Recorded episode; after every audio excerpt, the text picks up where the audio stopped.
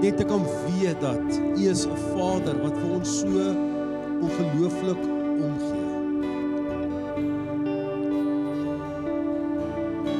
En ek glo met my hele hart dat U die begeerte dat dit met ons met goed gaan. Dat ons vervuld sal wees. Dat ons vreugde en blydskap sal ervaar. Omdat ons sekuriteit nie in die ekonomie is nie.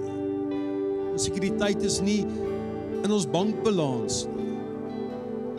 Maar ons sekuriteit is in U. Daarom wil ons vanmôre verklaar Here dat U ons Here is. Dat U ons koning is, dat U ons verlosser is. En dat ons harte net vir U sê dankie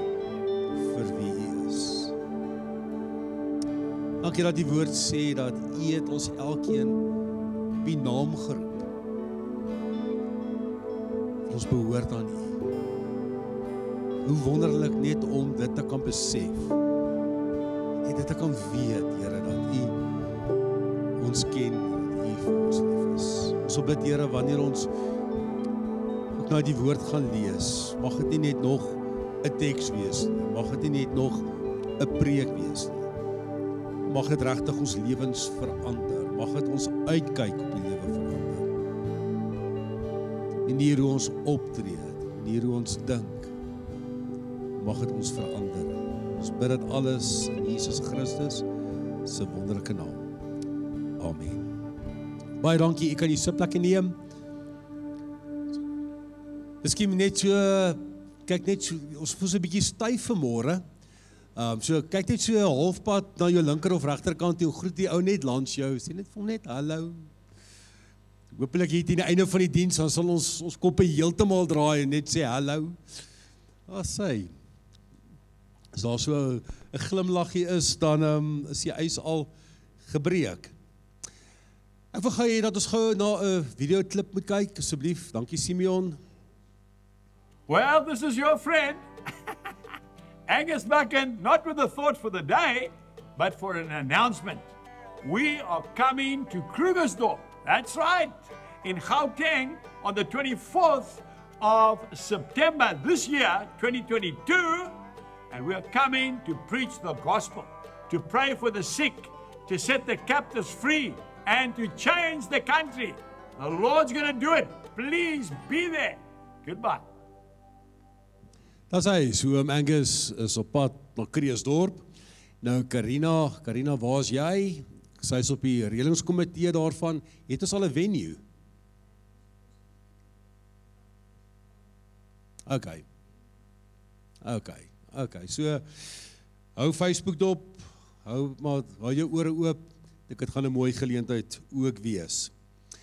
Ek wil graag vanmôre met jou praat eintlik oor 'n moeilike tema.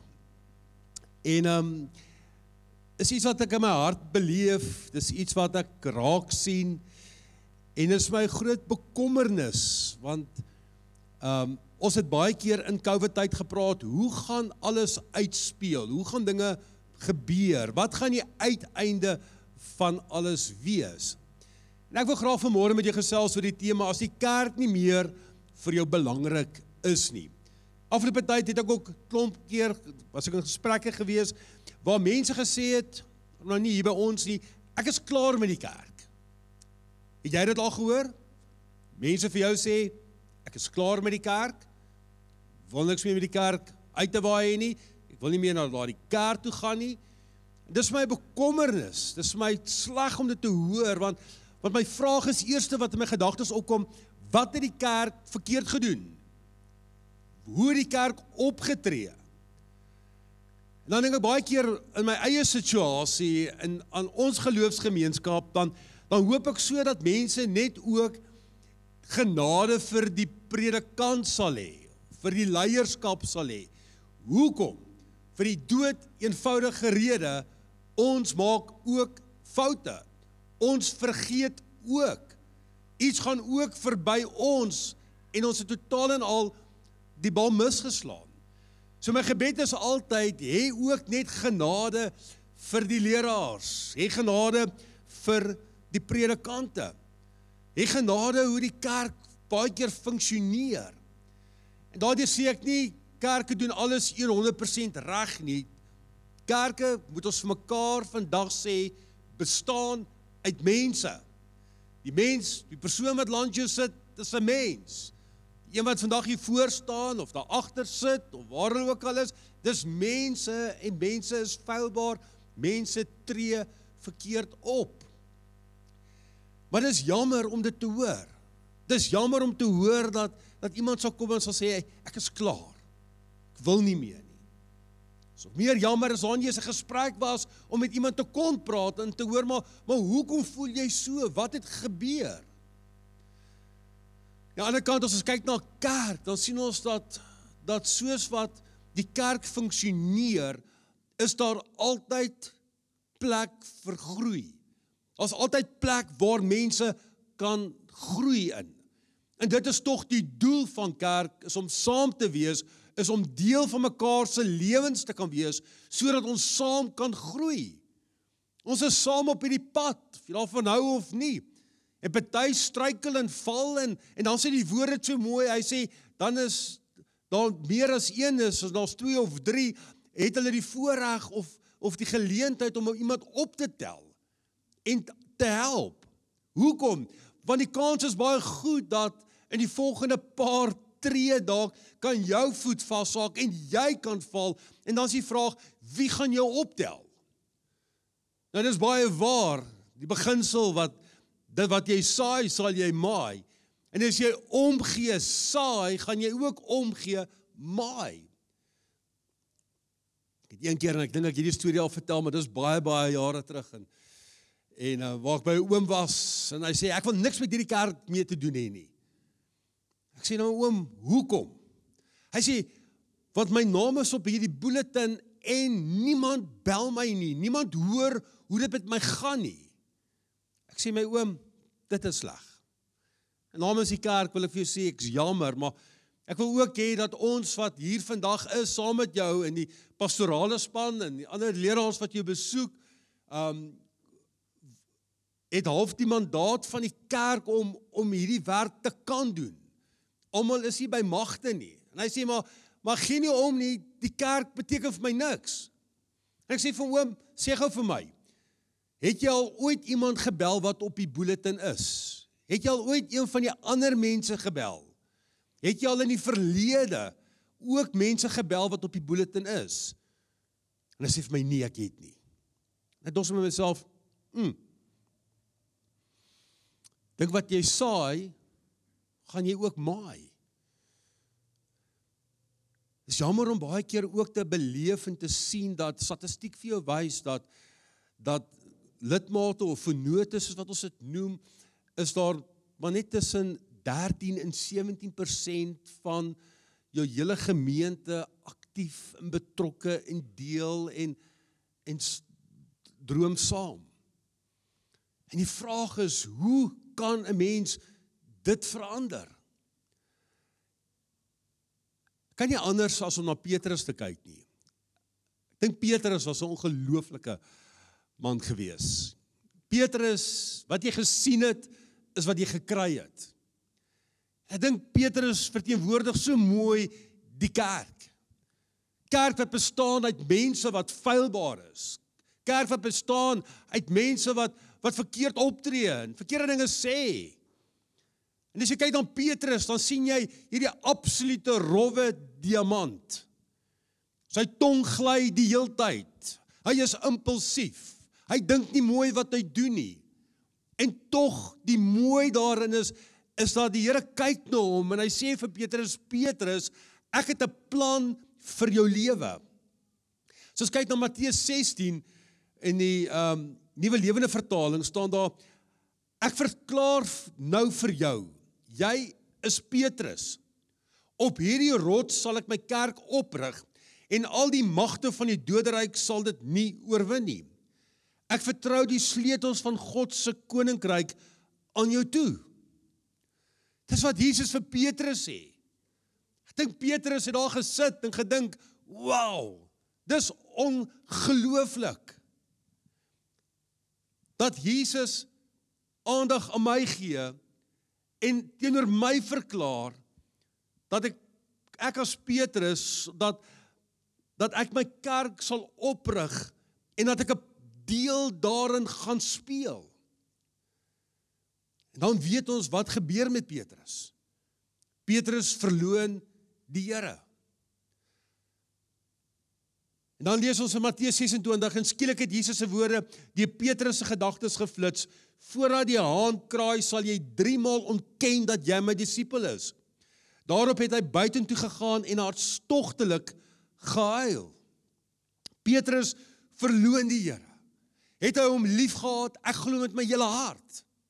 Maar Petrus maak 'n verkeerde keuse. Hy hardloop weg, hy onttrek homself. Hy gaan staan daar op die agtergrond. Hou hy hierdie hierdie gebeure dop wat voor hom besig is om af te speel. Ek dink in daardie gebeure hoor hy ook die slegte nuus dat dat Judas ook dood is. Dat Judas selfmoord gepleeg het. Ek dink Petrus staan daar en hy en hy dink aan die woorde toe Jesus vir hom gesê het volg my. En hy besef dat dat hy het gefaal. Het 'n fout gemaak. Dit wat hy so met die regte intensies probeer doen het, het hy teleurgestel. En het hy nie net teleurgestel nie, maar maar hy het Jesus teleurgestel. Die persoon vir wie hy die liefste is, of wie hy sy lewe gedraai het. Dat hy alles gelos het en Jesus gevolg het. Dis die impak wat Christus in sy lewe gehad het. En ek dink Petrus het gedink dis klaar. Ek is klaar met met hierdie groepie mense. Ek is klaar met dit wat wat Jesus vir ons geleer het. Want ek het alles in 'n oomblik het ek dit weggegooi. Ek dink Petrus staan daar en hy dink by homself maar ek is sleg. Ek verdien nie om deel te wees nie. En dan weet ons wat verder gebeur het. Petrus besluit geslaam met die kerk, noem dit die kerk, geslaam met dit Jesus verloon. Ek het nie geleentheid gehad om hom te sê ek's jammer vir wat teenoor dit wat ek om wat ek gedoen het nie. Ek het hom teleurgestel. Ek gaan doen dit wat ek ken. En dan vind jy vir Petrus weer op die vissersboot. En hy het sommer 'n klomp mense saam met hom gevat. Van die ander disippels was saam met hom gewees amper asof gesê het, "Ag wel, ek weet nie wat nou nie kom. Ons weet wel om vis te vang. Kom ons gaan vang vis. Kom ons klim en ons gaan doen dit wat ons weet hoe om dit te doen en hoe om dit reg te doen."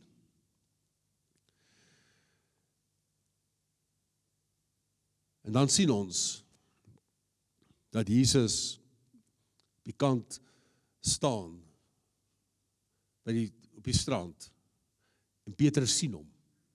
En Petrus los alles, trek sy bootkleed uit, spring in die water, swem na Jesus toe. En daar kom Jesus en hy kom bevestig weer eens Petrus se bediening. Dit was so ongelooflik mooi die manier, die hart wat die Here teenoor ons het. Die hart wat hy vanmôre vir my en vir jou ook sê, maak nie saak wat nie, maak nie saak Wat gebeur het nie? Ek is lief vir jou. Ek wil jou restoreer. Ek het 'n plan, ek het 'n droom met jou. So baie keer kan mense dink dat dat ek is klaar met die kerk, maar die kerk is nie en kan nie klaar wees met jou nie.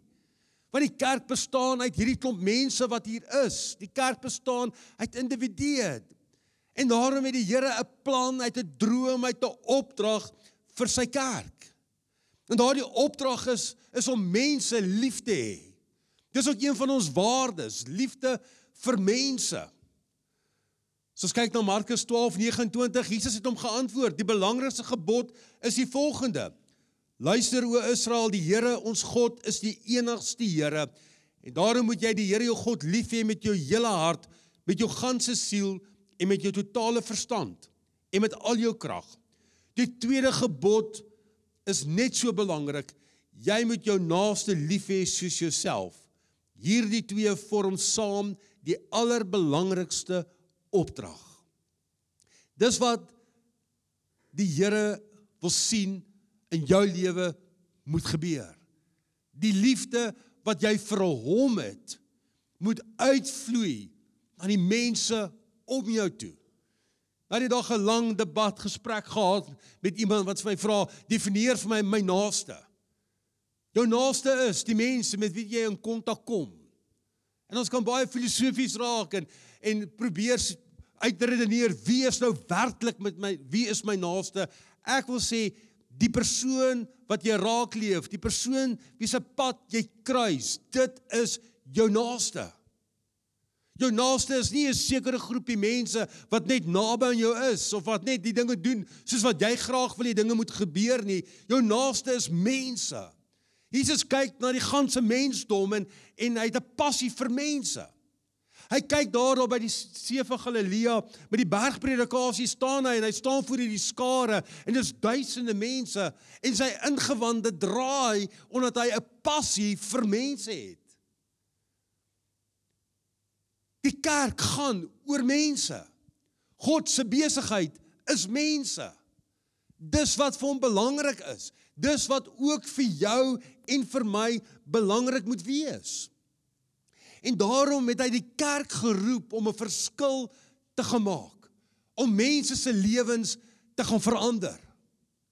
Die vraag is in die afgelope tyd, hoeveel mense wat oor jou pad gekom het, het jy 'n impak oor gehad? Hoeveel mense se lewens het jy hierdie afgelope tyd verander? By hoeveel mense het jy die afgelope tyd net gaan stil staan?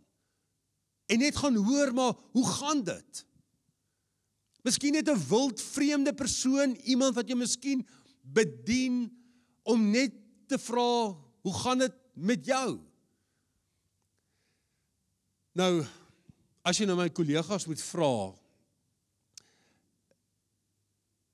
Ja, jy het nou gaan ek myself lekker uithaal hierso.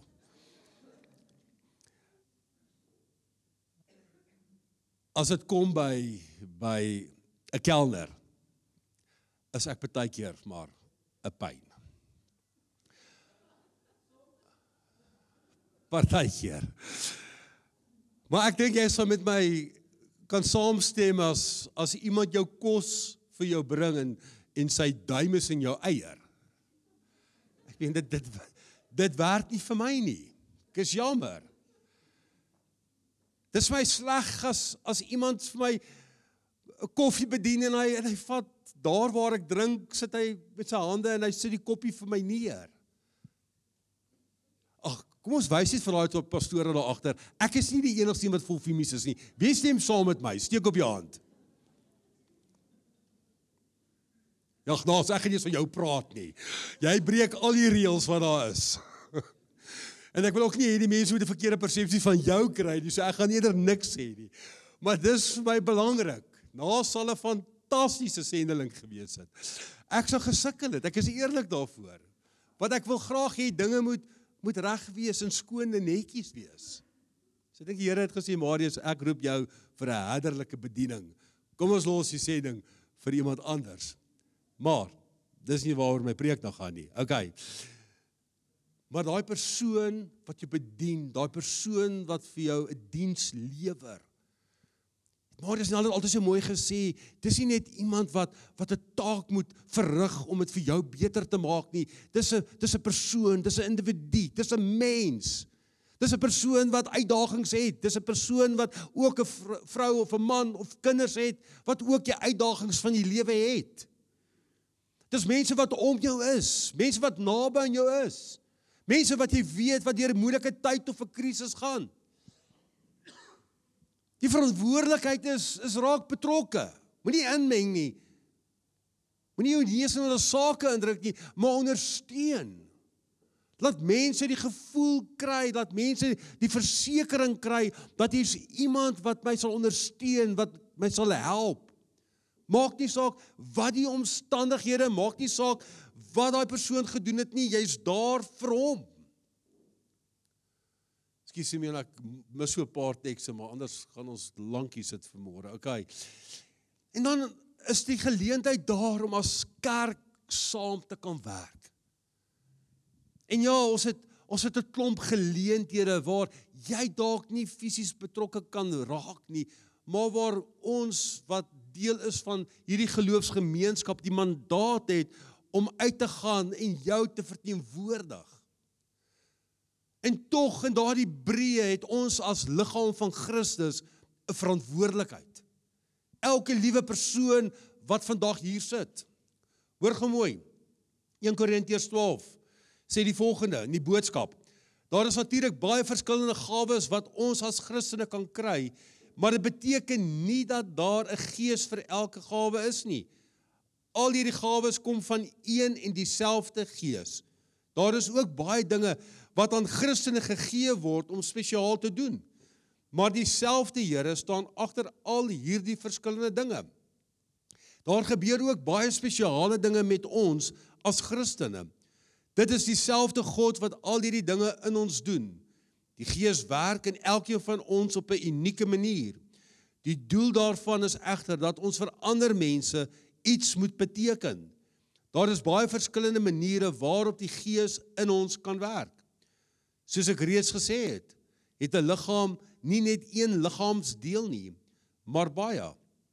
Sê nou die voet klaar, ek is nie die hand nie. Daarom voel ek nie deel van die liggaam nie. Beteken dit nou dat hy skielik nie meer deel van die liggaam is nie?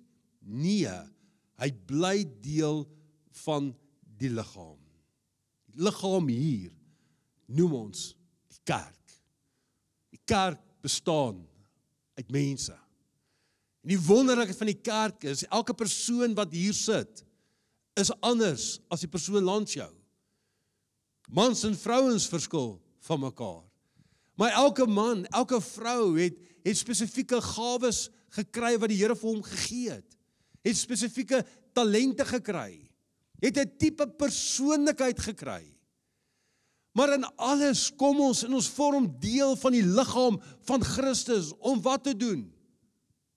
Om mekaar te stig, om mekaar op te bou, om mekaar te help, om mekaar te ondersteun, om net daar te wees vir mekaar.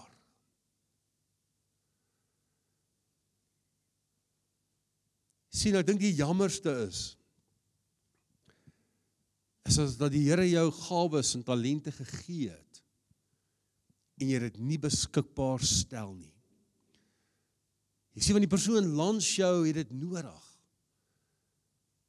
Wat jy sien, 'n gawe wat die Here vir jou gegee het, was nooit gewees vir jouself nie. Dit was altyd vir die breë konteks, vir mense om jou, vir mense in die kerk.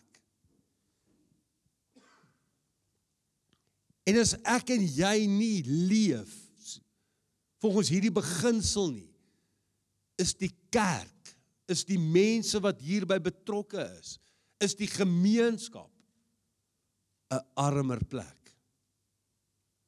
En ek praat nie nou van geld nie. Dis nie wat ek nou van praat nie.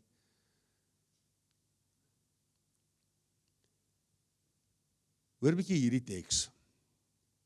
Nog 'n harde teks hierdie wat sê: "My liewe vriende, nou wil ek met julle praat oor die verskillende maniere waarop die Gees in ons werk." Dit is vir my baie belangrik dat julle dit mooi verstaan. Julle onthou mos nog wat met julle gebeur het toe julle die Here nog nie geken het nie. Die afgode het die een of ander mag oor julle gehad wat julle na hulle toe getrek het. En dit is dooie beelde wat nie eers kan praat nie.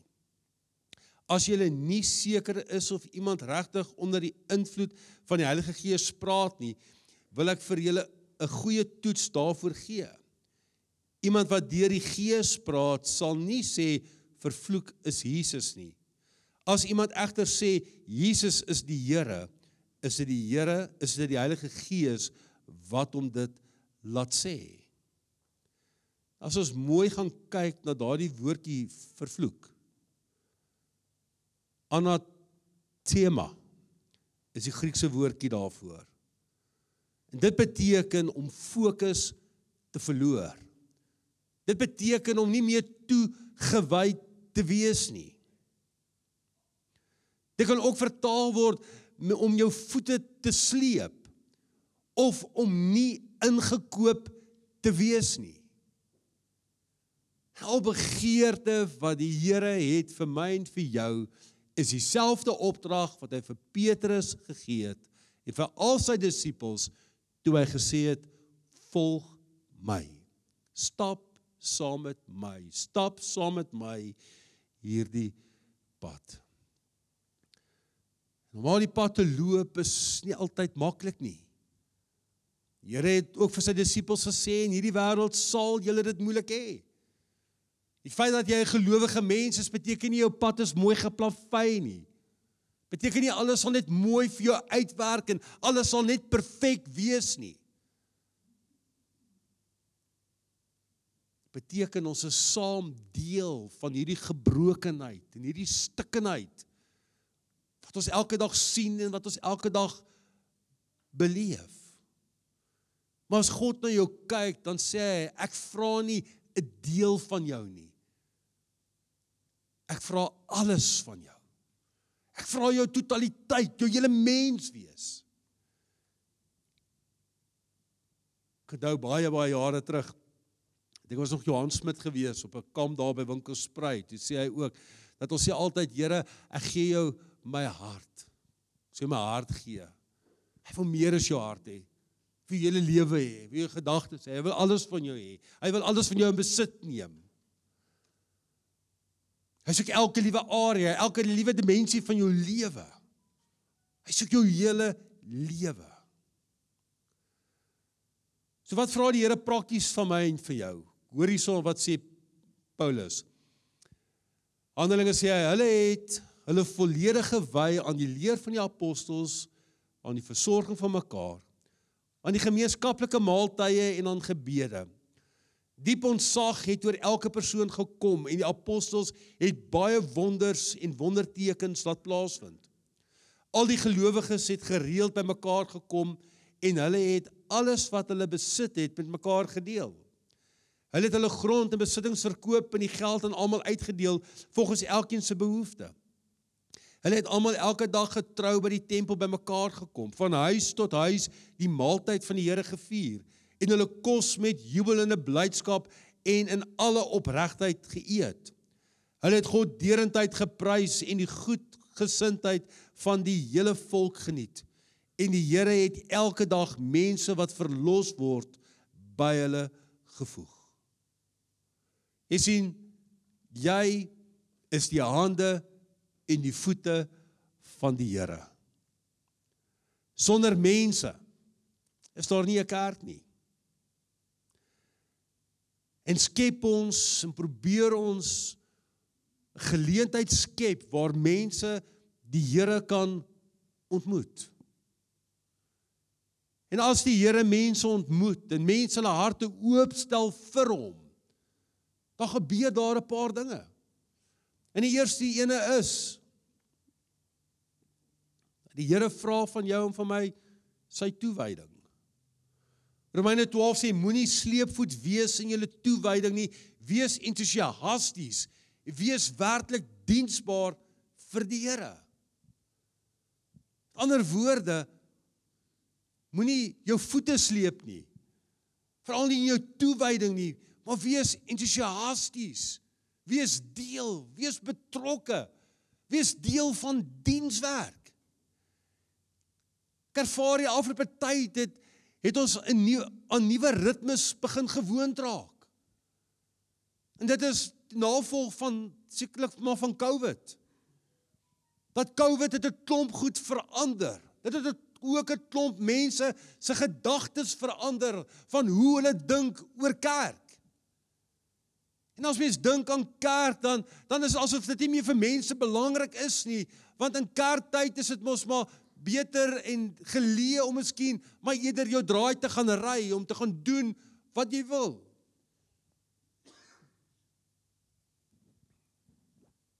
Dit raak die tyd vir kuier. Raak die tyd vir sport. Hoekom? Wat ons kan later net weer inhaal. Ons kan later mos die preek kyk. Hy is mos al van 8:30 is hy word hy lewendig uitgesaai. Dit is makliker om by die huis te bly. As ek net dink aan ons konteks. Voor Covid het was ons dubbel dit wat ons hier was vanmôre wat ons vanmôre hier is. My vraag is waar is almal? Want as jy gaan op die adreslys en jy bel mense en jy kontak mense en jy kom by mense uit, dan ervaar jy nie mense is uit die kerk uit nie. Hulle is nog steeds betrokke. Hulle sien hulself nog deel van die gemeente, maar hulle is weg. Ek onthou was ek in Albury op 'n stadion opgewonde gewees so voor Covid dat ons begine mik het hier na die 300 getal mense wat betrokke by 'n diens is. Ons is vanmôre 134. Ons kom net nie weer daar nie. Ons sukkel om maar die momentum weer op te tel. Interessant dat mense in statistiek en navorsing wat die ouens gedoen het die afgelope tyd wat sê mense voel as ons een keer in 3 weke bywoon, is dit voldoende. Een keer in 3 weke is ons reg. Die feit van die saak is jy mis. 'n Mens mis as jy nie betrokke en nie deel is nie. My gedagtes gaan sommer nou na na Thomas toe. Thomas wat nie daar was waar hy moes gewees het toe Jesus aan die disippels verskyn het nie. Hy het dit gemis. Na die tyd vertel hulle dit vir hom en hy sê nee, kan nie waar wees nie. As ek nie my vinger sy wond druk nie dan gaan ek dit nie glo nie. Jy sien wat om ook nie deel te wees en betrokke te wees nie laat jou uitmis. Kyk na ons omgee groepe. En dan praat ek nie net van ons nie, ek praat van die kerk in Hebreë. Sukkel dat die omgee groepe weer van sy voete afkom. Hy kom net nie aan die gang nie. Ons kyk na verskillende bedieninge, ons ons is nie waar ons was nie. Dis baie verskodings. Baie redes wat mense aanvoer dat hulle nie meer betrokke is nie dink daar's ook 'n verantwoordbaarheid om vir mekaar te sê ons is verantwoordelik teenoor mekaar. Ons moet betrokke, ons moet deel wees. Jy vra hoe miskien, dis baie meer as net 'n omgee groep. Ons het verskillende bedieninge ook wat ons op 'n Sondag het. Ons het bedieninge gasvryheid, ons het mense wat help met nagmaal, ons het die musiek, ons het die multimedia, ons het die klank. Mense wat jou wat by die koffiestasies beman, wat daar help. Ons het projekte, ons het projekte waar ons kinders kos gee, ons het projekte waar ons 'n kinderhuis het. Ek kan vir jou 'n baie lang lys opnoem van oral waarby ons betrokke is. Daar's mense by die kinderkerk betrokke op hierdie oomblik. God vra net van jou om net deel te wees. Dis kom ons praat van word 'n vernoot. Vernoot is iemand wat eienaarskap neem. Vernoot is iemand wat saam dink, wat saam droom en wat saam doen. Die laaste punt is ook God vra van jou hulpbronne. Gaan nie nou daaroor praat nie. Wees 'n vernoot. Wees 'n vernoot. Doen dit wat die Here van jou verwag. En hy verwag van jou om hom te volg. Hy verwag van jou om toegewy te wees. Hy verwag van jou om 'n geleentheid te soek om 'n verskil in iemand se lewe te kan doen. Hy verwag van jou om iemand raak te leef hierdie week. Hy verwag van jou om om vir iemand genade te gee. Iemand wat dalk hoop verloor het, iemand wat dalk moedeloos is. Hy verwag van jou om om daardie sout en om die lig te wees. En ons het soveel geleentheid om net 'n verskil te kan maak. Kom weer afsluit met Petrus. Hoe ongelooflik om te dink dat Jesus Petrus so ongelooflik liefhet nie. Wanneer jy na Petrus kyk en dan sien jy dat dat die Here 'n plan en 'n droom vir hierdie rowwe diamant gehad het. Net as jy kyk wat die Here deur hom gedoen het en die impak wat hy in die wêreld gehad het en hoe hy die evangelie verkondig het. Kan ons vanmôre ook sê Here, dankie dat U 'n plan en 'n droom vir my lewe het. Dat U my geroep het om 'n spesifieke taak op hierdie aarde te doen. Dat jy my geroep het om 'n spesifieke taak en hierdie geloofsgemeenskap te vervul. Om nie 'n toeskouer te wees nie. Is interessant. Die dink amper soos paviljoene daar agter, maar nie soos soos Wayne en Justin daar agter as 'n toeskouer sit nie. Maar dat jy sal deel wees. Dat jy sal deel vorm van hierdie geloofsfamilie wat ons het. En as jy hierdie week met iemand te doen het wat kwaad is vir sy kerk, wat sê ek slaam met die kerk, dis my gebed, sê vir hom, stiek jou predikant vir 'n koffie en vertel hom hoe jy voel. Vertel hom jou frustrasies, vertel hom jou irritasies. Ek het 'n boek op my boekrak wat sê help my dominee is hopeloos. Al wat ek net sê is hê ook genade vir die arme predikante ook. Maar kom ons geniet dit. Kom ons geniet wat ons het. Kom ons geniet die geleentheid, die voorreg om net deel te kan wees. Kom ons sluit ons oë en dan bid ons saam. Hemel Vader, ons wil vanmôre vir u sê, ons het u ongelooflik lief. En Here my gebed is dat U ons sal help. Dat U Heilige Gees ons sal lei. Dat U Gees ons ook sal oortuig van sonde, ook sal oortuig van miskien gewoontes waarin ons is. Wat tot ons nadeel kan lei. Wat nie goed vir ons kan wees nie en wat ons kan weerhou van u plan en u droom vir ons lewens. Dankie dat u 'n Vader is wat nie wag dat ons 'n fout moet maak nie.